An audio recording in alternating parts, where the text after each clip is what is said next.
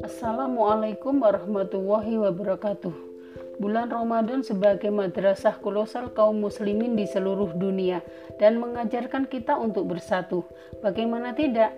Di bulan ini kita umat Islam di seluruh dunia serentak melakukan berbagai rangkaian ibadah Ramadan. Kita sama-sama menjalankan hanya karena Rob yang satu, kitab yang satu. Syariat juga memerintahkan agar kaum muslimin mengawali dan mengakhiri puasa di hari yang sama. Akhwati Islam menghendaki kaum muslimin bersatu tidak hanya saat melaksanakan ibadah ritual, namun juga dalam kepemimpinan. Karena umat Islam adalah satu kesatuan, ummah wahidah yang tidak bisa dipisahkan. Allah berfirman dalam surat Al-Anfal ayat 46. A'udzu billahi minasyaitonir rajim wa Allah wa rasulahu wa la tanaza'u fatafshalu wa tazhabari hukum washbiru. Innallaha ma'asyabirin dan taatilah Allah dan Rasulnya dan janganlah kamu berselisih yang menyebabkan kamu menjadi gentar dan kekuatanmu hilang dan bersabarlah. Sungguh Allah beserta orang-orang yang sabar. Demikian juga Quran Surat Ali Imran ayat 103. A'udzu billahi minasyaitonir rajim. Wa'tasimu bihablillahi jami'an wa la tafarraqu dan berpegang teguhlah kamu semuanya pada tali agama Allah dan janganlah kamu bercerai-berai.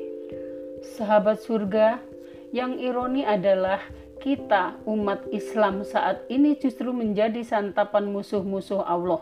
Umat Islam yang dahulu pernah bersatu selama lebih dari 13 abad, kini justru bercerai-berai menjadi berbagai negeri-negeri muslim yang terpecah.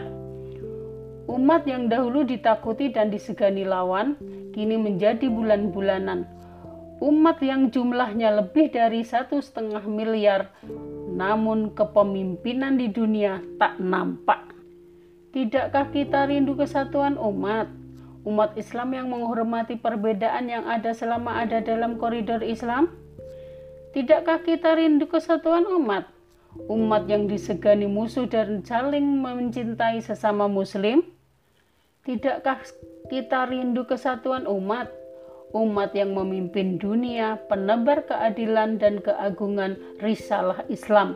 Umat yang dijanjikan surganya, surga bagi orang-orang beriman yang bersedia bersatu dan menghindarkan perpecahan. Ya, kita semua pasti merindukan kemuliaan di dunia dan di akhirat sebagai berkah dari persatuan. Persatuan yang kita rindukan hanya terjadi jika umat Islam berada dalam kepemimpinan yang satu.